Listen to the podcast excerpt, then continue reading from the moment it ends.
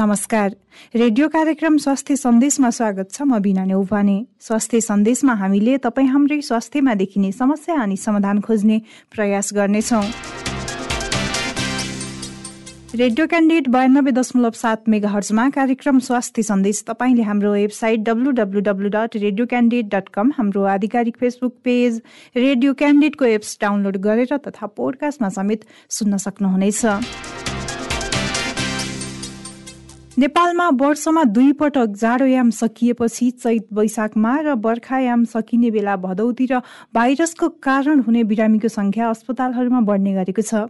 अहिलेको सिजनमा रुगाखुकी लगायत भाइरस र ब्याक्टेरियाका कारण हुने संक्रमणका बिरामीहरू ठूलो संख्यामा अस्पताल जाने गरेका चिकित्सकले बताएका छन्। मौसमी भाइरल ज्वरो र डेङ्गीका धेरै लक्षणहरू मिल्ने भएकाले रोग पहिचान गर्न सतर्क हुनुपर्ने पनि उनीहरूले बताउने गरेका छन्। अहिले भाइरल इन्फ्लुएन्जाका बिरामी पनि बढ्न थालेका छन्। गर्मी बढेसँगै यस्ता खालका संक्रमण धेरै देखिन थालेका हुन्। साधारण रुगाखोकी र भाइरल इन्फ्लुएन्जा बारेमा धेरैजना अल्मलिएको पनि पाइन्छ। त्यसैले आजको स्वास्थ्य सन्देशमा हामी इन्फ्लुएन्जा कस्तो खालको समस्या हो हामीले कसरी थाहा पाउन सक्छौ भनेर केन्द्रित हुँदैछौ। रुगामार्गीबाट नै सुरु हुन्छ। त्यसपछि गएर त्यो रुगामार्गी लाग्दाखेरि चाहिँ भाइरस बिस्तारै शरीरमा बिस्तारै फैलिने हुनाले त्यसपछि ज्वरो पनि निकाल्न सक्छ।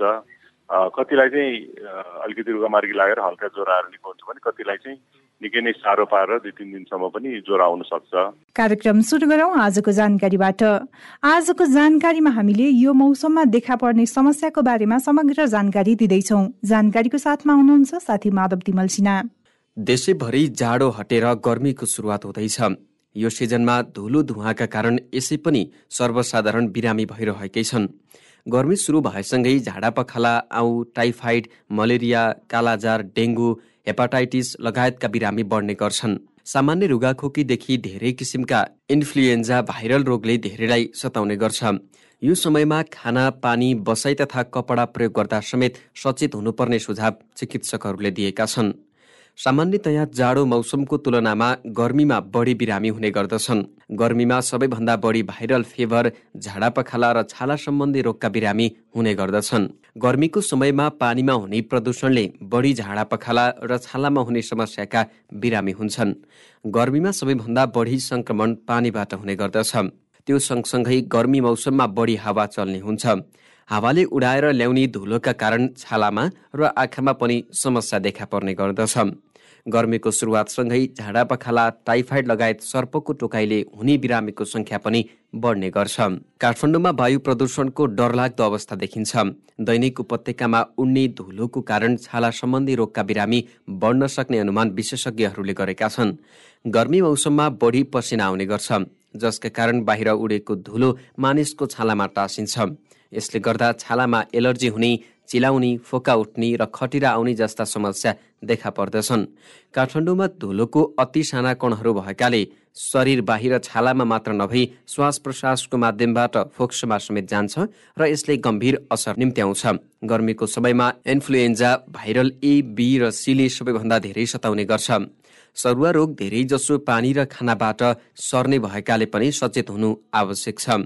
यस्तै यो मौसममा धेरैजसो बालबालिका रोगको शिकार हुने गर्दछन्। गर्मी मौसममा खाएको खाना राम्रोसँग पच्दैन जसले बालबालिकाहरूमा झाडा पखाला आउँ दादुरा जस्ता समस्या देखा पर्छन्।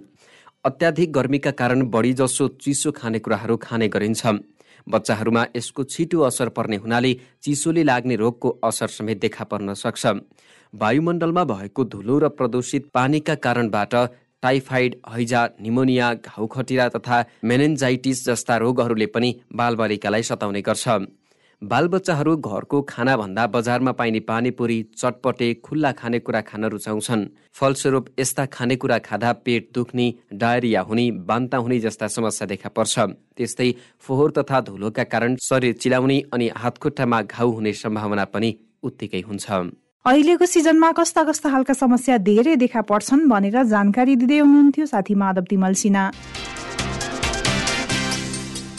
रेडियो क्यान्डिडेट बयानब्बे दशमलव सात मेगा हर्जमा कार्यक्रम स्वास्थ्य सन्देश तपाईँले हाम्रो website W dot radio candidate dot com हाम्रो आधिकारिक फेसबुक पेज रेडियो क्यान्डिडेटको एप्स डाउनलोड गरेर तथा पोडकास्टमा समेत सुन्न सक्नुहुनेछ। सामान्य भाषामा इन्फ्लुन्जा वा फ्लूलाई भाइरल ज्वरो पनि भनिन्छ। एक्कासी ज्वरो आएमा श्वास प्रश्वासमा अप्ठ्यारो भएमा जिउ दुख्ने टाउको दुख्ने लक्षणहरू देखा परेमा त्यस व्यक्तिलाई इन्फ्लुन्जा भएको भनेर मानिन्छ। प्राय कडा घाम र पानी पर्ने मौसममा यसको प्रकोपले भयावह रूप लिने गरेको पनि छ। यसलाई मौसमी इन्फ्लुन्जा पनि भन्ने गरिन्छ। बदलिदो मौसम वायु प्रदूषण तथा प्रदूषित पानीको कारणले पनि भाइरल संक्रमण बढी हुने गरेको छ। सामान्य भाषामा इन्फ्लुन्जा वा फ्लूलाई भाइरल ज्वरो भनिएको छ। यस्ता खालका समस्या व्यक्ति पछि फरक फरक तरिकाबाट देखा पर्ने पनि गरेका छन्। यसको प्रभाव जाडो मौसममा भन्दा गर्मी मौसममा धेरै हुने चिकित्सकले बताएका छन्। त्यसैले आजको स्वास्थ्य सन्देशमा हामी यसै विषयमा केन्द्रित भएर कुराकानी गर्दैछौ। कुराकानी गर्नको लागि हामीसँग हुनुहुन्छ संक्रामक रोग विशेषज्ञ डाक्टर जनक कोइराला। सुनौ उहाँसँग गरिएको कुराकानी। स्वागत छ डाक्टर स्वास्थ्य सन्देशमा। धन्यवाद। पछिल्लो समय धेरैलाई अब यो इन्फ्लुएन्जा भयो भनिन्छ होइन? खासमा यो इन्फ्लुएन्जालाई चाहिँ हामीले कसरी बुझ्ने? अब यो अहिले चेन्ज हुँदाखेरि विभिन्न प्रकारका यो भाइरसहरू ब्याक्टेरियाहरू चाहिँ चलिरहेको हुन्छन्। स्पेसल्ली यो विन्टर सिजनमा जाडो महिनामा थुप्रै प्रकारका भाइरसहरू आउँछ। त्यो मध्ये चाहिँ इन्फ्लुएन्जा पनि हुन्छ।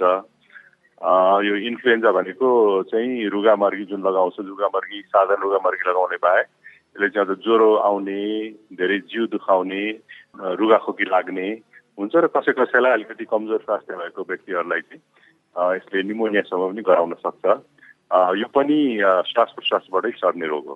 श्वास प्रश्वासबाट नै यो रोग सर्छ भनेर बुझ्दा हुन्छ अथवा यो बाहेक अरू कारणले पनि सर्ने गर्दछ? इन्फ्लुएन्जा चाहिँ श्वास प्रश्वासबाट एउटा चाहिँ नम्बर वान होइन जसले हार्टिङ गर्दा खोक्दाखेरि त्यो चाहिँ हाम्रो श्वास प्रश्वासको हावासँगै किटाणुहरू पनि उछिटेर जान्छ र नजिकै बसेको। तिन फिट चार फिटसम्म बसेको व्यक्तिहरूलाई सर्न सक्छ। एक किसिमले कोभिड जस्तै भनौँ न सर्ने प्रक्रिया चाहिँ। अर्को चाहिँ जस्तो हामीले नाक मुख छोयौँ आँखा छोयौँ र हात धोएनौँ भने यो छोएर छोएर पनि हातबाट एक व्यक्तिबाट अर्को व्यक्तिमा सर्न सक्छ कुन अवस्थामा चाहिँ भाइरल ज्वरोले बढी आक्रमण गर्ने हो? अब यो भाइरस चाहिँ जसलाई यो इन्फ्लुएन्जा भाइरस पर्टिकुलरली चाहिँ जसलाई पनि ज्वरो चाहिँ निकाल्न सक्छ। सुरुमा चाहिँ रुगामार्गीबाटै हामी अप्पर रेस्पिरेटरी इन्फेक्सन भन्छौँ। रुगामार्गीबाट नै सुरु हुन्छ। त्यसपछि गएर त्यो रुगामार्गी लाग्दाखेरि चाहिँ भाइरस बिस्तारै शरीरमा बिस्तारै फैलिने हुनाले त्यसले चाहिँ ज्वरो पनि निकाल्न सक्छ। कतिलाई चाहिँ अलिकति रुगामार्गी लागेर हल्का ज्वरो आएर हुन्छ भने कतिलाई चाहिँ निकै नै साह्रो पारेर दुई तिन दिनसम्म पनि ज्वरो आउन सक्छ। र धेरै जसोलाई रोग प्रतिरोधात्मक शक्ति राम्रो भएको इम्युन सिस्टम राम्रो भएको व्यक्तिहरूलाई चाहिँ आफै नै निको भएर जान्छ र अघि मैले भने जस्तै जसलाई चाहिँ दीर्घ रोगीहरू हुनुहुन्छ जसलाई छातीको रोग छ दमको रोग छ मुटुको रोग छ अथवा डायबिटिज छ त्यस्तो व्यक्तिहरूलाई चाहिँ अलिकति साह्रो बनाउन सक्छ र कसै कसैलाई चाहिँ क्यान्सर पनि गराउन सक्छ सरी क्यान्सर होइन यसले चाहिँ निमोनिया पनि गराउन सक्छ अब यति बेला जति पनि स्वास्थ्य सन्देशमा हाम्रो कुराकानी सुनिरहनु भएको छ नि अब यति बेला धेरैलाई चासो हुन्छ क्या यो विषयमा अब कतिपयलाई सामान्य रुगाखोकी त हो नि भनेर घरमा नै बस्नुहुन्छ अब आफै ठिक भएको अवस्था पनि हुन्छ डाक्टर साहब कतिपयलाई चाहिँ अब अस्पताल नै जानुपर्ने एकदमै गाह्रो भएको अवस्था पनि हुन्छ क्या यो दुइटा अवस्थालाई चाहिँ कसरी बुझ्ने अब धेरै जसोलाई चाहिँ घरमा बसेरै रेस्ट गर्ने सिम्टोमेटिक ट्रिटमेन्ट भन्नाले सिटामोल खाने होइन रुगाको औषधिहरू गर्ने हाम्रो आफ्नै गाउँघरको चलनै छ नेपालमा पनि तातो खाने चिसो नलाग्ने भन्ने त्यस्तो किसिमको पालन गर्ने नै धेरै जसोलाई झिन्डिको हुन्छ तर कसैलाई साह्रो भयो? धेरै नै ज्वरो आयो धेरै नै कमजोरी भयो अथवा सास गर्ने गाह्रो भयो खोकेर चाहिँ खोकीमा अब पहेँलो यो खकार आउन थाल्यो भने त्यसको चाहिँ लक्षण के भन्दाखेरि अलिकति साह्रो बिरामी भयो न्युमोनिया भयो कि भनेर उहाँहरूले चाहिँ औषधि उपचार गराउने र अर्को चाहिँ जस दुर्ग रोगीहरू हुनुहुन्छ उहाँहरूले पनि सुरुमै ज्वरो आउने बित्तिकै नै उहाँहरूले चाहिँ एकपल्ट जाँच गराउनु नै ठिक हुन्छ। किनभने छिटै जजायो भने छिटै नै औषधि गर्न सकिन्छ। र अब इन्फ्लुएन्जा भन्छ हामी भन्न चाहिँ रुगाखोकीलाई त सबै त इन्फ्लुएन्जा होइन। र यदि इन्फ्लुएन्जा नै हो यो रुगाखोकीले चाहिँ इन्फ्लुएन्जा भन्ने नै भाइरसले गराएको छ भने त्यसको लागि चाहिँ औषधि छ। त्यसको लागि चाहिँ विभिन्न प्रकारको त्यो भाइरस मार्ने नै औषधिहरू छ। त्यो चाहिँ रुगा लागेको पहिलो दुई तिन दिनभित्रै खायो भने त्यसले अलिकति यो ज्वरो आउनेहरूतिर पनि छिटै निको पार्दछ कतिपयले भन्ने गर्नुहुन्छ कि अब पछिल्लो समय अब एन्टिबायोटिकको प्रयोग पनि बढ्दो अवस्थामा छ त्यसले गर्दा पनि झन् जोखिम निम्ति आएको छ भनेर होइन? अब यो सामान्य रुगाखोकी लाग्दा भनौँ अथवा इन्फ्लुन्जा नै भाइरल भयो भने पनि आफै औषधि किन्ने खाने धेरैले गर्नुहुन्छ क्या? अब यस्तो अवस्थामा चाहिँ कुन कुन औषधि चाहिँ हामीले आफैले किनेर पनि खान मिल्ने हो र अब कस्तो अवस्थामा चाहिँ अस्पताल नै जानुपर्ने हुन्छ? अब धेरै जसो रुगामार्गीहरू चाहिँ भाइरसले गराउँछ। इन्फ्लुएन्जा मात्रै होइन कोरोना भाइरस कोभिड पनि भयो एउटा होइन? तर कोभिड पनि पुरानो जुन चाहिँ धेरै साह्रो नपार्ने कोरोना भाइरस त्यो भयो अरू राइनो भाइरस भन्छ विभिन्न प्रकारको भाइरसहरूले रुगामार्गी ल्याउन सक्छ। त्यसले गर्दाखेरि त्यसको लागि चाहिँ कुनै पनि औषधि पर्टिकुलरली भाइरसलाई नै मार्ने टाइपको औषधिहरू चाहिँ छैन इन्फ्लुएन्जाको लागि छ तर सबै नै रुगामार्गी इन्फ्लुएन्जा होइन त्यसले गर्दाखेरि जचाएर मात्रै खानुपर्ने हुन्छ। र अरू तपाईँले जुन एन्टिबायोटिक भन्नु त्यो एन्टिबायोटिकले चाहिँ भाइरसलाई मार्दैन। एन्टिबायोटिक भनेको चाहिँ ब्याक्टेरियालाई मार्ने हो। त्यो चाहिँ कस्तो अवस्थामा खानुपर्छ नि जसलाई निमोनिया भएको छ होइन र भाइरस पहिला भयो इन्फ्लुएन्जा अथवा अरू भाइरस भयो रुगामार्गी लाग्यो त्यो रुगामार्गी बिग्रिएर त्यसपछि ब्याक्टेरिया भन्ने चाहिँ जुन अलग प्रकारको किटाणुहरू हुन् तिनीहरूको रोग लाग्यो भने चाहिँ त्यसले निमोनिया गराउने अरू कम्प्लिकेसनहरू गराउन सक्दछ। त्यस्तो अवस्थामा चाहिँ जाँचेर गर्नुपर्ने हो कि रगतको जाँच गर्नुपर्ने हो कि छातीको जाँच गर्नुपर्ने हो कि डक्टरले जाँचेर ल यो यो व्यक्तिहरूलाई चाहिँ यो एन्टिबायोटिक चाहिन्छ किनभने उहाँ चाहिँ ब्याक्टेरियाको इन्फेक्सनको लक्षण देखियो भनेर मात्रै दिनुहुन्छ डाक्टर साहबहरूले। त्यसले गर्दाखेरि नजाँचिकन यो पसलमा गएर एन्टिबायोटिक किनेर खान चाहिँ ठिक हुँदैन। पछि गएर त्यो एन्टिबायोटिकले काम गर्न छोड्छ र त्यो एन्टिबायोटिक खायो भने एन्टिबायोटिकले काम नगरी झन् स्ट्रङ्गर टाइपको अझ बलियो टाइपको ब्याक्टेरियाहरूको पछि इन्फेक्सन हुनसक्छ र उपचार गर्न गाह्रो हुन्छ। त्यसैले सधैँभरि जाँच गराएर औषधि उपचार गराउनु पर्ने हुन्छ यसरी अहिले जति पनि हामीलाई सुनेर बसिरहनु भएको छ नि उहाँहरूले चाहिँ अब सामान्य रुगाखोकी भयो भने त घरमा नै ठिक हुने भइरहेको छ होइन? अब यो भाइरल इन्फ्लुन्जा नै भयो भने चाहिँ अस्पताल नै जानुपर्छ। यो धेरै नै ज्वरो आयो धेरै जिउ दुख्यो तिन चार दिन भइसक्यो ज्वरो निको भएन छाती दुख्न थाल्यो होइन दम नै बढ्न थाल्यो भने त्यस्तो अवस्थामा चाहिँ अथवा धेरै कमजोरी भयो हुन थाल्यो भने चाहिँ पहिलो दोस्रो दिन एक दुई दिन हेरेर त्यसपछि गए पनि हुन्छ। उयो दीर्घ रोगीहरूले चाहिँ तुरुन्तै जानुपर्ने हुन्छ। यो भाइरल सङ्क्रमणबाट अन्य समस्या पनि हुन सक्ने सम्भावना कति हुन्छ? अब यो के हुन्छ भने पहिला भाइरसको इन्फेक्सन भएपछि त्यसले रोग प्रतिरोधात्मक शक्तिलाई घटाउन सक्दछ। रोग प्रतिरोधात्मक शक्ति घट्यो भने त्यसपछि अरू ब्याक्टेरियल इन्फेक्सनहरू पनि हुन सक्दछ। त्यो मध्ये चाहिँ सबभन्दा डरलाग्दो त निमोनिया नै हो साह्रो। त्यो बाहेक साइनोसाइटिस हुन सक्दछ टन्सिलाइटिस हुन सक्दछ। त्यस्तै भाइरस पनि अरूतिर फैलिएर साइनोसाइटिसहरू गराउन सक्दछ। त्यो नै मुख्य चाहिँ। यो यसको चाहिँ अरूभन्दा पनि अलिक दीर्घ रोगीहरूले चाहिँ अलिक यसमा चाहिँ ध्यान राख्नुपर्ने हुन्छ। कतिपय अब सामान्य रुगाखोकी त हो नि अब लक्षण उस्तै उस्तै हुने भएकाले अब सामान्य रुगाखोकी त हो नि भनेर घरमा नै बसेको पनि पाउँछौँ क्या डाक्टर साहब हामीले होइन? अब उहाँहरूलाई अब यो रोग झन खतरातिर जाँदैछ अथवा झन जोखिम हुँदैछ भनेर थाहा पाउनको लागि चाहिँ अब कसरी थाहा पाउन सक्नुहुन्छ? धेरै जसो राम्रो हेल्थी इम्युन सिस्टम भएको यङ मान्छेहरूले चाहिँ साधारणतया रुगाखोकी पनि आफै निको हुन्छ इन्फ्लुएन्जा पनि आफै निको हुन्छ खासमा उपचार गर्नु पर्दैन। यो घरमै बसेर रेस्ट गर्ने अनि सिम्टोमेटिक ट्रिटमेन्ट भन्छ होइन ज्वरो आएको लागि ज्वरोको औषधि खाने खोकी लाग्यो खोकी औषधि खाने त्यस्तो गरे पुग्छ। तर जसलाई चाहिँ अलिकति धेरै साह्रो पार्यो धेरै ज्वरो आयो होइन धेरै कमजोरी बनायो अथवा उहाँहरूलाई चाहिँ यो दीर्घ रोगीहरू हुनुहुन्छ विशेष गरी दीर्घ रोगी पनि डायबिटिज भएको र मुटुको अथवा छातीको रोगीहरूलाई चाहिँ विचार गर्नुपर्ने हुन्छ। उहाँहरूले चाहिँ चाँडै नै डक्टरहरूलाई सम्पर्क राख्नुपर्छ। अब धेरै गाह्रो हुने भन्नाले अब कस्तो कस्तो समस्या हुन्छ यसमा अब धेरै गाह्रो हुन भन्नाले एउटा चाहिँ अब यो ज्वरो एकदमै धेरै आयो भने धेरै नै जिउ दुखेर अलिकति अब हिँडडुल गर्ने गाह्रो भयो। बान्ता भयो होइन एकदमसँग खाना नै पेटमा नटिक्ने भयो। कमजोरी भयो उठ्न नै सक्ने हिँडुलै गर्न नसक्ने भयो। अथवा दम बढ्यो। होइन? धेरै नै यो श्वास हुन थाल्यो अक्सिजनै कम हुन थाल्यो भने त्यो चाहिँ खतराको साइन भयो।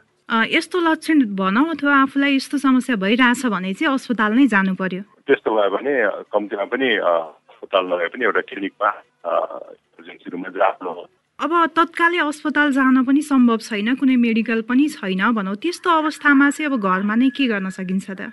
घरमा चाहिँ अब हामी एउटा पहिलो कुरा चाहिँ हामी के भन्छौँ भने रेस्ट फिजिकल एक्टिभिटिजहरू नगर्ने खास कुराहरू धेरै मसला चिल्लोहरू नखाने होइन? प्रशस्त मात्रामा लिक्विड खाने यो सुपहरू खाए पनि अथवा यो के भन्छ पानी खाए पनि लिक्विडहरू खाने। अनि सिम्टोमेटिक ट्रिटमेन्ट भन्नाले तपाईँको यही सिटामलहरू खाने अथवा रुगा लागेको खोकी लागेको औषधि कफ सिरपहरू त्यस्तो खाएर नै कन्ट्रोल गरे हुन्छ। भाइरल इन्फ्लुएन्जाको बारेमा केन्द्रित भएर कुराकानी गरिरहेका छौँ हामीले यो त भयो समस्याको कुरा होइन? अब यो रोग लाग्ने नदिन भनौँ अथवा यो रोगबाट यो समस्याबाट बच्नको लागि चाहिँ हामीले अब के के कुरामा ध्यान दिने त? अब यसमा चाहिँ विभिन्न कुराहरू छ। पहिलो कुरा चाहिँ यो कुनै पनि रुगामार्गी श्वास प्रश्वासको रोगहरूबाट बच्नको लागि सधैँभरि हात धुने आफूले खानुभन्दा अगाडि अथवा केही चिज छोएपछि अथवा आफ्नो नाक आँखा छुनुभन्दा अगाडि जहिले पनि हात धुने अथवा यो अल्कोहल सेनिटाइजर लगाउने जसरी हामीले कोभिड छौँ त्यही किसिमहरू गरिदिनु पऱ्यो पहिलो चाहिँ कसैलाई रुगामार्गी लागेको छ आफ्नो परिवारमा अथवा कसैलाई साथीभाइहरूमा छ अथवा अफिसमा कसैलाई छ भने आजकल त मास्क सबैसँग हुन्छ मास्क आफू पनि लगाउने उहाँहरूलाई पनि मास्क लगाउने ताकि उहाँहरूलाई साह्रो नसक्नु हुने सक्नु पाउनुहुन्न त्यो भयो त्योदेखि बाहेक अर्को कुरा चाहिँ अब इन्फ्लुएन्जाको कुरा गर्नुभएको छ तपाईँले इन्फ्लुएन्जाको लागि चाहिँ आजकल भ्याक्सिन पाइन्छ इन्फ्लुएन्जाको भ्याक्सिन वर्षै पछि लाउनु पर्ने हुन्छ। इन्फ्लुएन्जाको भ्याक्सिन पनि जसलाई सबैले नलगाए पनि जसलाई चाहिँ दीर्घ रोगीहरू हुनुहुन्छ अथवा वृद्ध वृद्ध साठी पैँसठी वर्षभन्दा माथिका सबैजनाले नै वर्षको एकपल्ट यो हामी चाहिँ टाइम कुन भन्छौँ भने अक्टोबर नोभेम्बर जब जाडो सुरु हुनुभन्दा अगाडि लगायो भने हाम्रो दसैँ तिहार पछिको ताका भनौँ न। दसैँ तिहार ताका लगायो भने त्यसले इन्फ्लुएन्जाबाट बचाउँछ किनभने यो भ्याक्सिन लगायो भने बच्न सकिन्छ। यो भ्याक्सिन चाहिँ नेपालको अब सबै अस्पतालमा उपलब्ध छ कि के छ अवस्था? भ्याक्सिन अब सबै उपलब्ध अस्पतालमा त उपलब्ध छ। तर धेरै जसो ठाउँहरूमा छ धेरै जसो अब अस्पताल पनि जानु पर्दैन त्यो भ्याक्सिन लगाउनको लागि राखेको हुन्छ। त्यहाँबाट पनि लगाउन सकिन्छ। सबैको पहुँचमा छ कि छैन साहब के छ यो भ्याक्सिन चाहिँ? अब यो भ्याक्सिन त अब यो फ्री डिस्ट्रिब्युसन गभर्मेन्ट सिस्टमबाट त छैन। बजेट दिएर नै विभिन्न किसिमको विभिन्न देशबाट भ्याक्सिनहरू आउँछ त्यसको रेटहरू अलग अलग छ त्यो चाहिँ मलाई अहिले थाहा भएन। यति बेला स्वास्थ्य सन्देशमा जति पनि हाम्रो कुराकानी सुनेर बसिरहनु भएको छ नि एउटा संक्रामक रोग विशेषज्ञ भएको नाताले के सन्देश दिन चाहनुहुन्छ? अब अहिले हामी भर्खरै यो ठुलो यो पेन्डेमिकबाट भर्खर निस्केका छौँ। श्वास प्रश्वासको प्रक्रियाबाट नै सर्ने रोग हो। यसबाट हामी सबैले के लेसन लिन सक्छौँ भने श्वास प्रश्वासको प्रक्रियाबाट सर्ने रोगहरू चाहिँ विभिन्न प्रकारका छन् जस्तो जाडो महिनामा अहिले हामीले भर्खर कुरा जस्तो इन्फ्लुएन्जा प्यारा इन्फ्लुएन्जा विभिन्न अरू भाइरसहरूले रुगामार्गी लगाउँछन् भने टिबी जस्तो रोग पनि यो श्वास प्रश्वासबाटै सर्ने रोग हो। टिबी निमोनियाहरू जस्तो कुराहरू त्यो सबैबाट बस्न चाहिँ हामी सबैले एउटा त यो हात धुने जताततै छोएपछि हात मुख नधोइकन हात नधोइकन मुख नछुने आँखा नछुने त्यो भयो। अर्को चाहिँ कतै पनि आफू जानु पर्यो भिडहरूमा जानु पर्यो भने अहिले पनि कोभिडको लागि मात्रै होइन अरूको लागि पनि मास्क लगाउन चाहिँ उपयुक्त नै हुन्छ जस्तो लाग्छ। र यदि पाइन्छ भने आफ्नो उमेर अनुसार निमोनियाको भ्याक्सिन पनि पाइन्छ आजकल इन्फ्लुएन्जाको भ्याक्सिन पनि पाइन्छ। त्यस्तो भ्याक्सिनहरू चाहिँ डाक्टरको सल्लाह गरेर लगाउन चाहिँ सबैलाई उपयुक्त हुन्छ। यहाँको महत्त्वपूर्ण समय र जानकारी स्वास्थ्य सन्देशमा आएर राखिदिनु भयो त्यसको लागि धेरै धेरै धन्यवाद। धन्यवाद। अहिलेको अवस्थामा किन यति धेरै भाइरल ज्वरो अर्थात् इन्फ्लुएन्जा बढिरहेको छ? कस्ता व्यक्तिमा यो समस्याले धेरै सताउने हो? कस्तो अवस्थामा हामी घरमा नै बस्न सक्छौँ र कस्तो अवस्थामा भनौँ अथवा कस्तो कस्तो खालको लक्षण देखा परेपछि हामी अस्पताल जानै पर्छ? के के कुरामा ध्यान दिनुपर्छ भनेर जानकारी दिँदै हुनुहुन्थ्यो संक्रामक रोग विशेषज्ञ डाक्टर जनक कोइराला। कुराकानी पछि अब लागौँ जानिराखौँ सेगमेन्टतर्फ। स्वास्थ्य टिप्स जानिराखौँ सेगमेन्टमा। हामीले यो मौसममा हुने एलर्जीबाट बस्न अपनाउनु पर्ने सावधानीको बारेमा टिप्स दिँदैछौँ। साथमा हुनुहुन्छ साथी यमुना राणा। सुक्खा मौसममा हुने एलर्जीबाट बस्न अप्नाउनु पर्ने सावधानी यो मौसममा धेरै हावाहुरी चल्ने गर्छ जसले गर्दा धुवा धुलो मार्फत हाम्रो शरीरको छालामा किटाणु टाँसिन गई शरीरमा एलर्जी हुन सक्छ। त्यसैले एलर्जी जस्ता समस्याबाट जोगिन पहिले धुलो र धुवाबाट बस्नुपर्छ घरबाट बाहिर निस्कदा धुवा धुलोबाट जोगिन सम्पूर्ण शरीर ढाकेर हिँड्नुपर्छ जसले गर्दा शरीरमा सिधै किटाणुले प्रवेश गर्न पाउँदैन। घर बाहिर गएर आएपछि नुहाउनुपर्छ। साबुन पानीले राम्रोसँग हातखुट्टा धुन बिर्सनु भएन। हातखुट्टा साबुन पानीले धुँदा अस्सी प्रतिशत किटाणु मर्छन्। यो सुक्खा मौसम भएकाले प्रशस्त पानी पिउनुपर्छ। हावाहुरीले शरीर सुक्खा हुने हुँदा शरीरमा पानीको मात्रा पनि कम हुन्छ। पानीको मात्रा शरीरमा कम हुँदा पनि एलर्जी हुन सक्छ। सोही कारण सुक्खा मौसममा प्रशस्त पानी पिउनुपर्छ। यो मौसममा सरुवा रोगका किटाणुहरू बढी नै सक्रिय हुन्छन्। सोही कारण सरुवा रोगका बिरामी भएको ठाउँ अत्यन्तै धुलो उड्ने ठाउँमा विशेष काम परे मात्रै जानुपर्छ। यदि घामबाट छालालाई असर परेको छ भने भिजाएको कपडा या बर्फबाट छालालाई सेक्न सकिन्छ। आलुलाई मिक्सरमा पिसेर यसको रसलाई घामले पोलेको ठाउँमा लगाउनाले पनि आराम मिल्नेछ। गर्मीमा पसिनाको दुर्गन्धबाट बस्नका लागि सकेसम्म धेरै मात्रामा पानी पिउने गर्नुपर्छ। घामबाट छालामा सिधै असर पर्ने हुन्छ। त्यसैले कागतीको रस गुलाबजलको रस मिसाएर छालामा लगाउँदा पनि राम्रो हुन्छ। गर्मीका कारण छालामा एलर्जी र रेसेज जस्ता समस्याहरू आउन सक्छ। त्यसैले घिउकुमारीको जेल पनि लगाउन सकिन्छ या नुहाउने पानीमा थोरै बेकिङ सोडा मिलाएर नुहाएमा पनि गर्मीका कारण हुने एलर्जीबाट छुटकारा पाउन सकिन्छ। यो मौसममा हुने एलर्जीबाट बस्नको लागि हामीले कस्तो खालको सावधानी अप्नाउनु पर्छ भनेर टिप्स दिँदै हुनुहुन्थ्यो साथी यमुना राणा। रेडियो क्यान्डिडेट बयानब्बे दशमलव सात मेगा हर्जमा कार्यक्रम स्वास्थ्य सन्देश तपाईँले हाम्रो website W W W dot radio candidate dot com हाम्रो आधिकारिक फेसबुक पेज रेडियो क्यान्डिडेटको एप्स डाउनलोड गरेर तथा पोडकास्टमा समेत सुन्न सक्नुहुनेछ। नियमित कार्यक्रम स्वास्थ्य सन्देश तपाईँलाई कस्तो लाग्यो?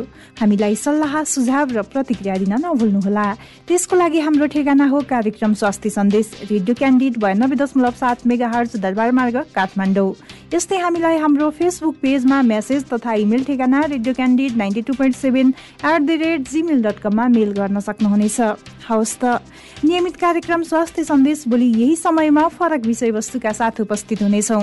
कार्यक्रम अवधिभर प्रविधिमा साथ दिने सृजना भुजेल सहित कार्यक्रम स्वास्थ्य सन्देशबाट बिना उपाने बिदा हुन्छु। नमस्कार।